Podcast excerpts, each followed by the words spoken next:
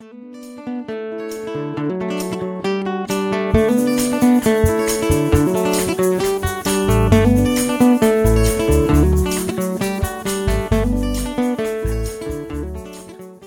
du får tjänstepension så kan du oftast kryssa i om du vill ha efterlevande skydd eller inte. Efterlevande skydd är ungefär vad det låter som. Det är alltså en försäkring som gör att dina efterlevande får pengar från din tjänstepension om du dör. Men är det här en bra eller dålig idé att ha efterlevande skydd? Och vad är det för skillnad på efterlevande skydd, livförsäkring och låneskydd till exempel? Ja, det här ska vi reda ut här idag i Försäkringspodden. Jag heter Jenny Sparring och med mig i studion har jag Stefan Telenius och Håkan Karlsson som är specialister på pensions och personförsäkringar. Välkomna! Tack så mycket. Tack, tack. Kul att ha er här igen. Nu ska vi ju prata om efterlevandeskydd i tjänstepensionen och tjänstepensionen det är ju någonting som arbetsgivaren sätter in varje månad i samband med att, att arbetsgivaren betalar ut lönen, eller hur? Eh, ja, eller men det är ju det är en anställningsförmån i alla fall, så, som 90 procent av alla konsumenter har via sin arbetsgivare. Eh, minst 90 procent. 90 procent har kollektivavtalad tjänstepension som är den vanligaste tjänstepensionen. Mm. Och så finns det ju några som har så kallad individuell tjänstepension också. Som för övrigt också kan ha eh, efterlevande skydd i form av återbetalningsskydd. Ja, okej, okay, men jättebra. Ja, men då, eh, då, då, ska vi, då, då har vi klargjort det och då får du berätta, Stefan, vad egentligen ett efterlevande skydd då innebär. Ja, efterlevande skydd i sammanhanget tjänstepension är eh, Eh, ja, skydd helt enkelt som gör att, att de efterlevande kan få utbetalningar från tjänstepensionen. Och, och det mm, kan vi redan nu nämna att det består av, kan bestå av två delar. Det vanligaste är återbetalningsskydd och det är då det skydd som eh, som eh, så att säga där själva pensionskapitalet som man har sparat ihop vid tidpunkten den försäkrade avlider betalas ut till de efterlevande. Så, så det varierar ju väldigt mycket. Okej, okay, som en engångssumma? Som Nej, utan det, det, betalas oftast ut periodiskt faktiskt. Okay. Så, så, som uh, oftast under fem år eller längre. Det beror lite på avtal och så vidare. Så, så det är den ena delen. Och, och sen finns det en, ett annat skydd inom vissa kollektivavtalsområden som heter familjeskydd. Där man då kan välja uh, ett till fyra prisbasbelopp som ska betalas ut uh, mellan 5 och 20 år. Så, så det, det, är mer att likna med en traditionell livförsäkring som, som vi kommer att prata mer om senare. Då. Mm. Kan man ha både återbetalningsskydd och familjeskydd i samma? Ja, om kollektivavtalsområdet tillåter det så kan man ha båda de två. Ja. Men, men, annars så är det ju det här återbetalningsskyddet är ju det vanligaste efterlevande skyddet som finns just i tjänstepension. Då. Okej, men är det bra eller dåligt att ha det här efterlevande skyddet då? Ja, det, man ska ju välja skydd efter behov. Och eh, eh det, det, som är bra är ju att man får, får skydda ju för efterlevande, det vill säga de får ju extra ekonomisk trygghet ifall man skulle avlida i, i förtid. Och, och, det som är mindre bra är väl att man, ens egna pension, alltså egna tjänstepension blir ju lägre om man har det här skyddet. Så, så att det, det, det är väl en, en kort sammanfattning. Då. Hur ska man ta reda på då vad det kostar? Eh, ja, vi har ju bra verktyg på konsumenternas.se där, man då kan räkna på vad efterlevandeskyddet kostar för de stora kollektivavtalade tjänstepensionerna. Så, så där ser man då, vi, ja, beroende på hur mycket man har sparat ihop och, och förväntas spara ihop vad, det kostar per år att ha efterlevandeskyddet. Så, så utifrån det då så, så kan man ju bilda sig en bild dels hur stort skyddet är och, och vad det kostar. Finns det någon tidpunkt när efterlevandeskyddet upphör? Kan man säga det? Uh, ja, det, det, brukar maximalt uh, gälla 20 år brukar det vara, vara en vanlig period. Att när, när tjänstepensionen väl har börjat betalas ut så gäller det maximalt i 20 år. Okay. Uh, så det vill säga om, om det betalas ut vid 65-årsdagen mm. så, så gäller det maximalt till 85 års ålder. Och då är det ofta så konstruerat att om den försäkrade avlider efter 10 år efter pensionens start så att säga. Då, då betalas efterlevandeskyddet ut de resterande tio åren då som annars. Där. Ja. Så, så att det, det, är lite så det fungerar just under utbetalningsfasen då av tjänstepensionen. Ja, men eh, om man avlider när man är 55, då då även innan då pensionerna börjat betalas ut så gäller efterlevandeskyddet då också. Ja, precis. Och då, Ja. då är det ju för det pensionskapital man har där och då. Ja, Och, och det, det är ju huvudprincipen också för det här återbetalningsskyddet. Att Mm. de, de pengar som är på eh, tjänstepensionskontot eh, vid tidpunkten när den försäkrade avlider, det är det som betalas ut. Mm. Och oftast då så, som en periodisk utbetalning i minst fem år beroende på. Det. Får jag bara flika in där? Ja. Och då, den, den som då eventuellt ärver pengarna, om man säger så, får pengarna från det här efterlevandeskyddet, har den någon möjlighet att påverka utbetalningstiden? Eh, Det, det kan finnas möjlighet att göra det inom, inom vissa ramar beroende på hur avtalet ser ut. Eh, Man, man kan ofta förlänga utbetalningstiden, men, men sällan, man, man kan sällan få det kortare tid än fem år i alla fall. Utan Okej. det, det brukar vara minimum ja men bra fråga Håkan. Eh, men kan man säga då, du har ju varit inne på det lite, men jag tänker att vi kan ändå ta det igen. När behöver man då efterlevandeskydd? Finns det någon, något, några regler kring det, hur man ska tänka? Ja, nej, men det, för, för de flesta konsumenter så är det väl om man har efterlevande att sörja efter så att säga, eller sörja för. Det, det vill säga att man har en familj över typsituationen och, och kanske barn så, som inte har kommit ut i arbetslivet än. Utan det, det, och, och, eller en partner som eh, kanske har svårt att, att bära hushållets kostnader om, om den ena skulle avlida så att säga i förtid. Så det är väl framförallt att skydda den situationen. Och, och Mm. typfallet är väl om man har exempelvis har ett stort bolån så, så kan ju det här efterlevandeskyddet hjälpa till lite då.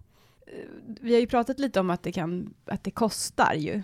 Och det finns ju verktyg för det på vår webbplats, eh, där man kan gå in och räkna på vad faktiskt efterlevande, efterlevandeskyddet kostar om man skulle välja det. Eh, Men ska man välja bort efterlevandeskyddet om man tycker att det är dyrt? Ja, det, det kan man ju, om man vill förstärka sin egna tjänstepension, sin egen ålderspension där, då, då, då, då och plus att man, man tycker att, att mm, man inte behöver det här skyddet för, för familjen eller efterlevande, eller tycker att man har tillräckligt skydd med, andra eh, försäkringar som, som vi säkert kommer komma in Mm. på så småningom här. Då, då, då, kan, då är det ju rationellt att välja bort det av den anledningen. Eh, det, det, det man ska ha klart för sig bara när man väljer bort återbetalningsskyddet, det, det är ju att det, det kan ju bli vissa begränsningar hur man får disponera försäkringen framåt. Så att det, det kan komma att kräva hälsoprövningar exempelvis om man vill ändra försäkringen som utbetalningstid. Om man vill korta den så, så kan det bli frågan om att det måste krävas godkänd hälsoprövning för att få göra det när man inte har det här återbetalningsskyddet. Och även i, i ett sammanhang där man vill flytta försäkringen så kan det i vissa fall komma krävas hälsoprövning också. Men det, ju- det, det kravet finns inte om man har efterlevandeskydd. Då finns det större möjligheter att ändra. Ja, och om man har just det här återbetalningsskyddet Mm. så, så, så då, då disponerar man försäkringen i princip helt själv. Men det Mm. finns vissa undantag om man har livsvarig utbetalning. Så, men, men i, i generellt sett så, så, så kan man styra och ställa kring försäkringen inom ramen för avtalet då, utan att det krävs hälsoprövning. Ja, men för min nästa fråga som jag tänkte höra efter, det är just det här, måste man genomgå en hälsoprövning, eh, fylla i en hälsodeklaration, eh, om man nu väljer att lägga till ett efterlevandeskydd? Eh, Det, så kan det bli i vissa fall, men, men inom kollektivavtalad tjänstepension så finns det oftast optionsrätt. Mm. Och det vill säga vid en familjehändelse, det vill säga att man, man flyttar ihop med en sambo eller, eller gifter sig eller skaffar barn, så har man ofta ett år på sig att lägga till det här återbetalningsskyddet utan en hälsoprövning. Okej, så det har, parterna har kommit överens om att det här vill man ge som en för, förmån till? Ja, precis. Så, så att vi, vid stora familjehändelser så, så finns det möjlighet att, att lägga till skyddet utan problem. Då. Men däremellan om man vill lägga till skyddet eller, eller ändra på det så, så kan det komma att krävas hälsoprövning. Okej, man har redan gift sig och sen börjar man fundera på det. Då- Ja, precis. Om, om man missar den här ettårsfristen efter giftermålet, då, då, då kan det bli frågan om hälsoprövning i ett Mm. senare skede. Då. Men om man nu inte väljer något efterlevandeskydd, eh, vad händer då med pengarna om man skulle avlida? Eh, Då tillfaller de försäkringskollektivet, det vill säga de i, i eh, tjänstepensionerna som inte har återbetalningsskydd. Mm. De får dela på, på de pengarna i, i form av arvsvinster helt enkelt. Och det är det som förstärker deras tjänstepension. Ja, det är det som gör att de då får en högre pension ja, precis. för att de inte har valt efterlevandeskydd. Ja, precis. Är efterlevandeskydd eh, vanlig, är det vanligt att det redan finns utan att man väljer det i sin tjänstepension? Ja, det skulle jag vilja säga är ganska vanligt att det är så, att, att det är förvalt. Mm. Eh, Men, men eh, det, det, finns, det beror lite på avtalsområden. Nu kan jag inte i huvudet exakt vilka avtalsområden som har vad så att säga. Men, men i en del avtalsområden så, så, är det ej förvalt, så då måste man aktivt välja till det. Mm. Och i andra så är det förvalt och man måste aktivt eh, avsluta återbetalningsskyddet. Så där, där, får man ju som konsument ta reda på vad som gäller för, för en själv då så att säga. Okej, men jättebra. Då, då vet man alltså att efterlevandeskyddet är som en form av livförsäkring som alltså faller ut till efterlevande om man eh, skulle avlida för en viss ålder. Men om man nu, Håkan, eh, om man nu ska jämföra med en livförsäkring då, vad är det för skydd man egentligen kan få från en livförsäkring istället? Ja, en livförsäkring är ju egentligen, man tecknar ju det lite liknande eh, för de behov eh, som i efterlevandeskyddet, det är ju för de, de efterlevande som man tänker på när man skaffar en livförsäkring eller tecknar på ett efterlevandeskydd. Det här är ju inget sparande på något sätt som gör att du själv kommer få tillbaks dina pengar, utan det här är en premie du lägger ut varje månad eller kanske årsvis just för att trygga eh, ekonomiskt för dina, för dina efterlevande. Så här, lite samma tänk att man behöver tänka över behovet eh, om man behöver en livförsäkring. Och då kan man välja olika försäkringsbelopp eh, själv? Ja, precis. Det gör du vid tecknandet. Där får du då eh, välja ett, ett, belopp som du då eh, dels har råd med, för det är såklart, väljer du ett högre belopp så blir det en dyrare premie då varje månad. Eh, mm. Och det ska ju, du ska ju se över behovet så att du ligger liksom ganska rätt i nivå också. Mm. Eh, så att man inte köper en alldeles för dyr försäkring. Utan helst så ska den ju täcka någon form av, av behov då. Men det är inte alltid lätt att veta kanske hur mycket det är man Nej. ska teckna för. Eh, men man får ju tänka då också att det här är en försäkring som man förmodligen ska ha i många år. Mm. Så att man ska ju kunna ha råd med den här försäkringen under ganska lång tid. Då jag vet ju att vi kommer ta fram en, eller vi är på väg att ta fram en jämförelse av livförsäkringar som inte är riktigt klar än, men det kommer att komma en alldeles ny jämförelse av livförsäkringar på vår webbplats. Mm. Men vad är, det, vad är det man ska tänka på att när man vill välja en livförsäkring? Är det något särskilt man ska hålla koll på? Eh, ja men det är ju behovet, alltså finns det en maka eller en, eh, en make eller kanske barn eller sambo eller sådär som är i behov av eh, pengar kanske om du går bort. De kanske är beroende av din, din lön idag. Mm. Eh, att du, du, hjälper till att stötta ekonomiskt. Eh, så, så, finns det ett behov där. Eller om ni har en kostnad för ett boende där du vill att din, din efterlevande och din sambo eller fru eller så ska kunna bo kvar i det här huset. Eh, så finns det ju ett behov av, av att ha en livförsäkring. Mm. Så man måste liksom sätta sig och räkna på vad som händer. En tråkig uppgift men kanske nyttig att göra. Sätta sig ner och räkna på vad som skulle hända om någon Ja, precis. Det kan vara en tråkig uppgift och där kan det också vara så att om man är eh, då, två i ett förhållande och den ena kanske tjänar mycket mer. Man kan mm. ju ha en livförsäkring liksom, för varandra så att säga. Men mm. då behöver ju kanske inte det vara samma belopp. För det är någon som tjänar mycket mer så kanske han har större förutsättningar att bo kvar om den andra går bort men kanske behöver en, en mindre summa då för att mm. inte behöva flytta från huset eller så. Så att där får ju då bägge parter i, i det sammanhanget se över vilket eh, belopp som som passar ja. för att fylla behovet. En tung uppgift att göra, att sätta sig och eh, räkna på, men det kan vara bra för framtiden. Men eh, okej, okay, då ska man i alla fall titta, man börjar med att sätta sig och räkna på vilket försäkringsbelopp man skulle kunna behöva. Vad, vad ska man mer tänka på då? Ja, det är ju att eh, det här är en försäkring som ska betalas såklart varje år och man ska vara medveten om att det här är en försäkring som höjs eller kostnaden för den höjs i takt med med, med ålder såklart eftersom risken ökar. Det kan vara ganska stora förändringar, eh, särskilt när man börjar komma upp närmare pensionsåldern. Mm. Vi ser ju nu när vi har jobbat i vår jämförelse att mellan 60 och 65, där kan det ske stora förändringar ja. på premien och i, i, många fall så kan den redan dubbleras där. Sen finns det ju alltid en slutålder där också som sträcker sig från, från 65 upp till 85 tror jag där, där ja. det högsta eh, åldern ligger idag.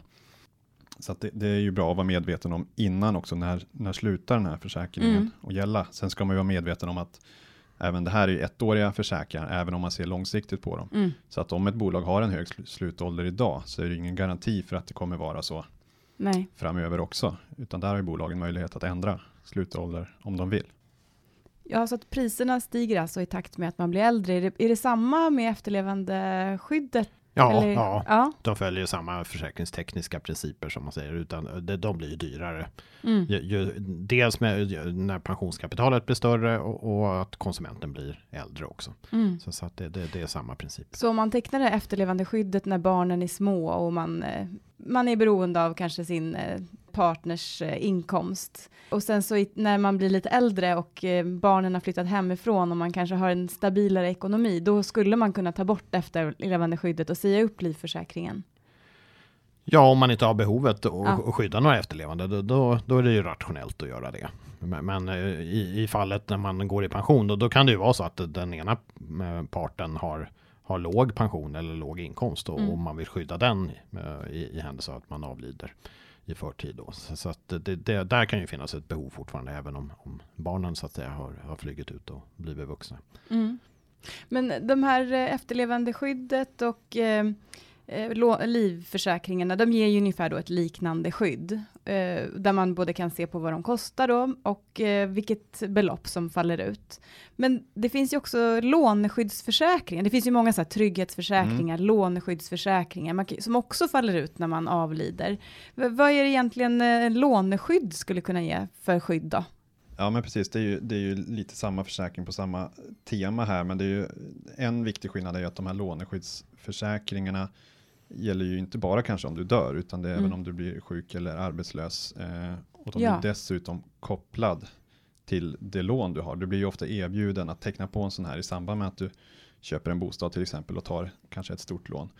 Eh, och då har man ju möjlighet att då försäkra upp en del av beloppet i det här lånet som du har. Så Mm. Delar du, lo- delar du lånet med, eh, med din sambo, ni har 50-50 kanske, så kan du då försäkra upp den delen som den andra parten står för. Mm. Så att om det inträffar att man blir sjuk eller arbetslös, eh, eller i vissa fall då kanske dör också, eh, så kommer den här försäkringen att hjälpa till då att betala av på det här lånet, eller skrivs av helt enkelt, så att man har möjlighet att bo kvar.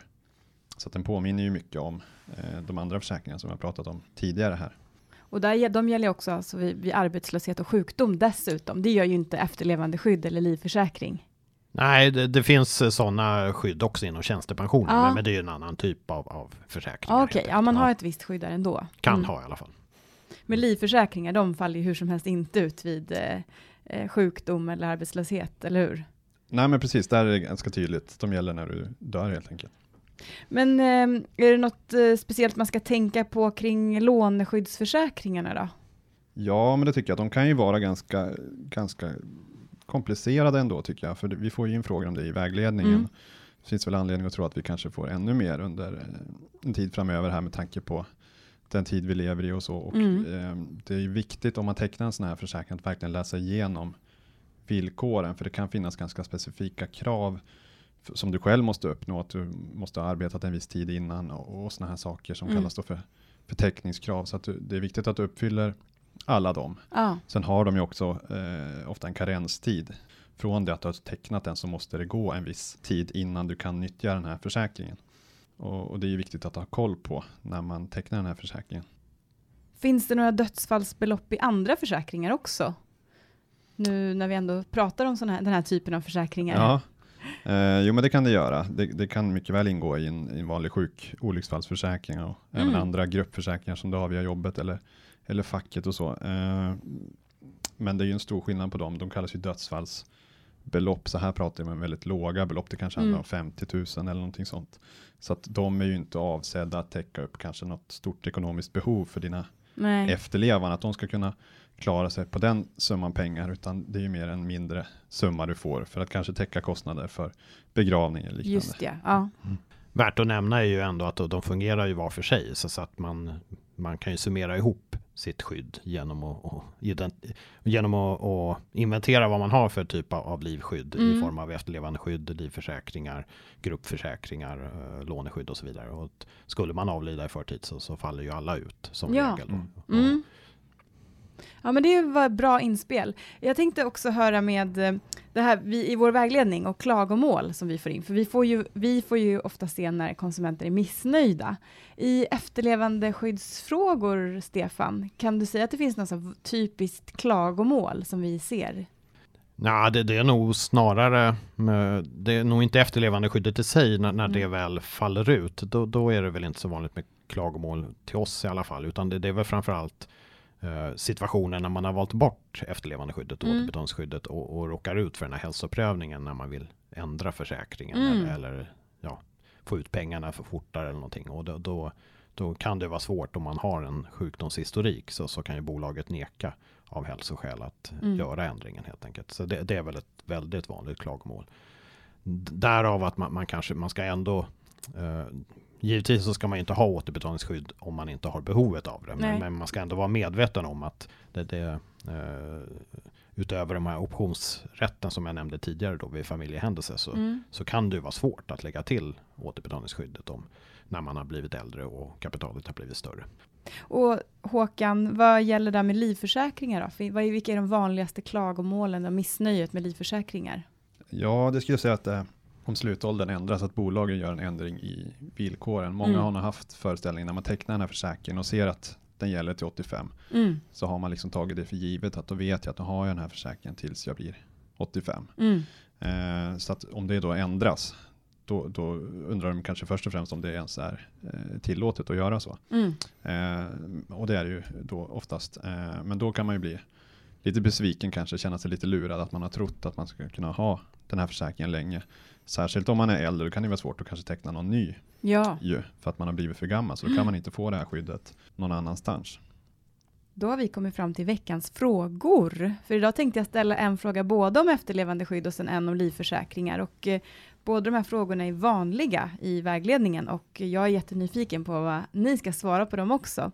Eh, till att börja med, Stefan, hur vet man om man har efterlevandeskydd i sin tjänstepension? Eh, och hur gör man om man vill lägga till eller ta bort efterlevandeskyddet? Det här tycker jag är en väldigt bra fråga som jag själv har funderat på tidigare. Ja, precis. Man, man hade kunnat önska att, att uppgiften fanns hos Min Pension, så, som är den naturliga portalen för, för Eh, tjänstepensioner och andra pensionsförsäkringar. Eh, men men det, där framgår det inte, utan man får ju kontakta sitt försäkringsbolag helt enkelt. Antingen genom att logga in på mina sidor och titta om det finns, om det står ett återbetalningsskydd eller familjeskydd där. Eh, eller kontakta dem på annat sätt. Och så är det en kollektivavtalad tjänstepension så kan man även gå via valcentralen och, mm. och logga in där motsvarande. Och så brukar det framgå där om man har det här återbetalningsskyddet eller, eller annat efterlevandeskydd. Mm. Och på valcentralen, där det är även där då man väljer. Om man, om, man nu, om man nu går in där och ser att man inte har något, så är det även där man då kan kryssa i att man vill ha det. Ja, precis. De brukar ombesörja själva eh, valsituationen mm. i det sammanhanget. Och ofta kan man nog lägga till det direkt hos eh, eh, pensionsbolaget också. Mm. Men valcentralen är väl en bra start i just sammanhanget kollektivavtalad tjänstepension. Det kan ju vara ganska svårt för konsumenterna kanske att ha koll på det. Ni var inne på det tidigare här att olika kollektivavtal kan göra olika. Att en del är förvalt och, och andra inte. Så är, har man då haft ett, en, ett gäng arbetsgivare i, i, livet så kanske man har tillhört olika kollektivavtal. Så då gäller det att man har koll på, koll på det. Att bara för att jag har hos den ena så är det inte säkert att jag har det hos den andra. Nej, Nej precis. Det är en väldigt bra poäng. För, för varje ja, försäkringsavtal man har, varje tjänstepension har ju sina villkor och, och kan ju ha ett, ett återbetalningsskydd eller inte. Mm. Så, så, att det, det, det, typiskt sett så har ju en konsument 8-10 tjänstepensioner lagom till pensionsåldern. Så, ja. så att det, det är lite att hålla, hålla koll på där om, om man vill så att säga inventera eh, vilka återbetalningsskydd man har och inte. Och där tycker jag i, i sammanhanget jämfört med livförsäkring så, så kan det vara värt att nämna då att eh, återbetalningsskyddet det skyddar ju det pensionskapital man har sparat ihop vid tidpunkten man avlider. Mm. Så typiskt sett en ung person som, som kanske köper ett hus tillsammans med, med en partner. Eh, kanske har, då, då räcker ju det här återbetalningsskyddet kanske inte så långt om, om man är ung och inte har hunnit spara ihop så mycket i tjänstepensionen. Då finns det ju delvis det här familjeskyddet som betalar ut Eh, upp till fyra prisbasbelopp upp till 20 år. Det, det är ju ganska mycket pengar, mm. men, men, det är ju en periodisk utbetalning. Så, så att i, i, det sammanhanget så, så, kan ju just en livförsäkring med ett förvalt ja. belopp mm. Vara mer, det kan kanske fyller behovet av ett skydd precis där och då när, mm. när man är ung och, och har skaffat sig lite större utgifter och så vidare.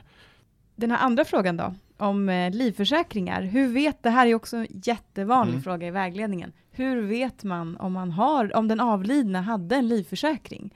Det är ju dödsbon som kontaktar oss och undrar om hur de ska ta reda på det. Ja, precis, men det, men det är lite enklare faktiskt här på det här området, för här har faktiskt bolagen, försäkringsbolagen då, där den här eventuella livförsäkringen finns, de har en skyldighet att meddela då eh, förmånstagaren för den här livförsäkringen. Mm. Så det finns ett lagkrav på det. Så att man kommer då, om du har någon som har en livförsäkring och du står som förmånstagare så kommer du bli kontaktad av det här försäkringsbolaget där Mm. den här försäkringen finns i så fall.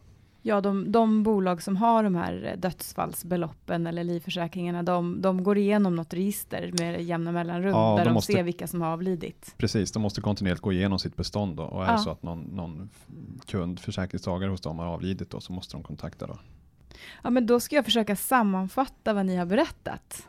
Väljer, väljer du ett efterlevande skydd, då är ju det en trygghet för dina efterlevande. Men det blir en lägre pension för dig. Därför är det bra att gå in på konsumenternas.se och räkna på vad efterlevandeskyddet faktiskt kostar. Och efterlevandeskydd, det kan bestå både av ett återbetalningsskydd och familjeskydd. Och de skiljer sig lite åt. Det kan man också läsa mer om på vår webbplats, vad de här skydden innebär egentligen. Jag tycker själv att det är ganska krångligt. Ett annat alternativ till efterlevandeskydd, är en livförsäkring. Och en sån kan tecknas både individuellt och i en gruppförsäkring. Ja, precis. Ja, Jag vet inte om bra. vi pratade så mycket om Nej, det grupp- kanske vi inte gjorde, men... försäkring. Men ja. det kan ni absolut göra. Eh, Det är nog den vanligaste varianten, att Mm. man har en livförsäkring via ett gruppavtal. Mm. Så är det. Och de behöver inte alls vara speciellt dyra heller, Nej. med kanske lite lägre belopp. Mm. Där kan det vara bra att tänka på skillnaden bara med, med gruppförsäkring. Det- Den finns ju kvar så länge man tillhör gruppen. Mm. Med, medan en individuell livförsäkring hänger ju med tills vidare så att säga, tills den upphör då. Så, så, att, så sen är, om man lämnar gruppen, eh, typiskt avslutar en anställning eller liknande, Ja. får man ju ofta erbjudande om att teckna en individuell försäkring. Men, men eh, det, det är ja, värt att nämna i alla fall. När du väljer livförsäkring, då ska du titta på försäkringsbeloppet, vad det kostar och när livförsäkringen upphör. Är det något annat viktigt att framhålla här? Nej. Ja, nu tror jag vi kanske- har vänt och, och vridit på, på de här olika försäkringstyp eller de här olika skydden då för, för efterlevande. Mm. Ja. Vi nämnde ju lite snabbt om att vi jobbar på en jämförelse över livförsäkring Ja. som kommer komma ut ganska snart hoppas vi. Så då Precis. kommer det vara enklare för alla er som vill eh, titta på jämföra villkor inom livförsäkring. Du kanske får komma tillbaka och berätta mer om Ja, den när den väl. Ja, lanseras här i live. början av nästa år. Precis. Ja, men det var ju allt för det här avsnittet och gå jättegärna in på konsumenternas.se. Där kan du få svar på de flesta frågor som du kan ha om försäkringar. Och kontakta oss gärna per telefon eller mejl och kontaktuppgifter finns också de på kon- konsumenternas.se. Sprid gärna och tipsa om Försäkringspodden till dina vänner och kollegor. Vi har nu spelat in flera avsnitt här och gått igenom intressanta försäkringsområden. Men tack så jättemycket för att ni kom hit idag. Tack så mycket. Tack själv.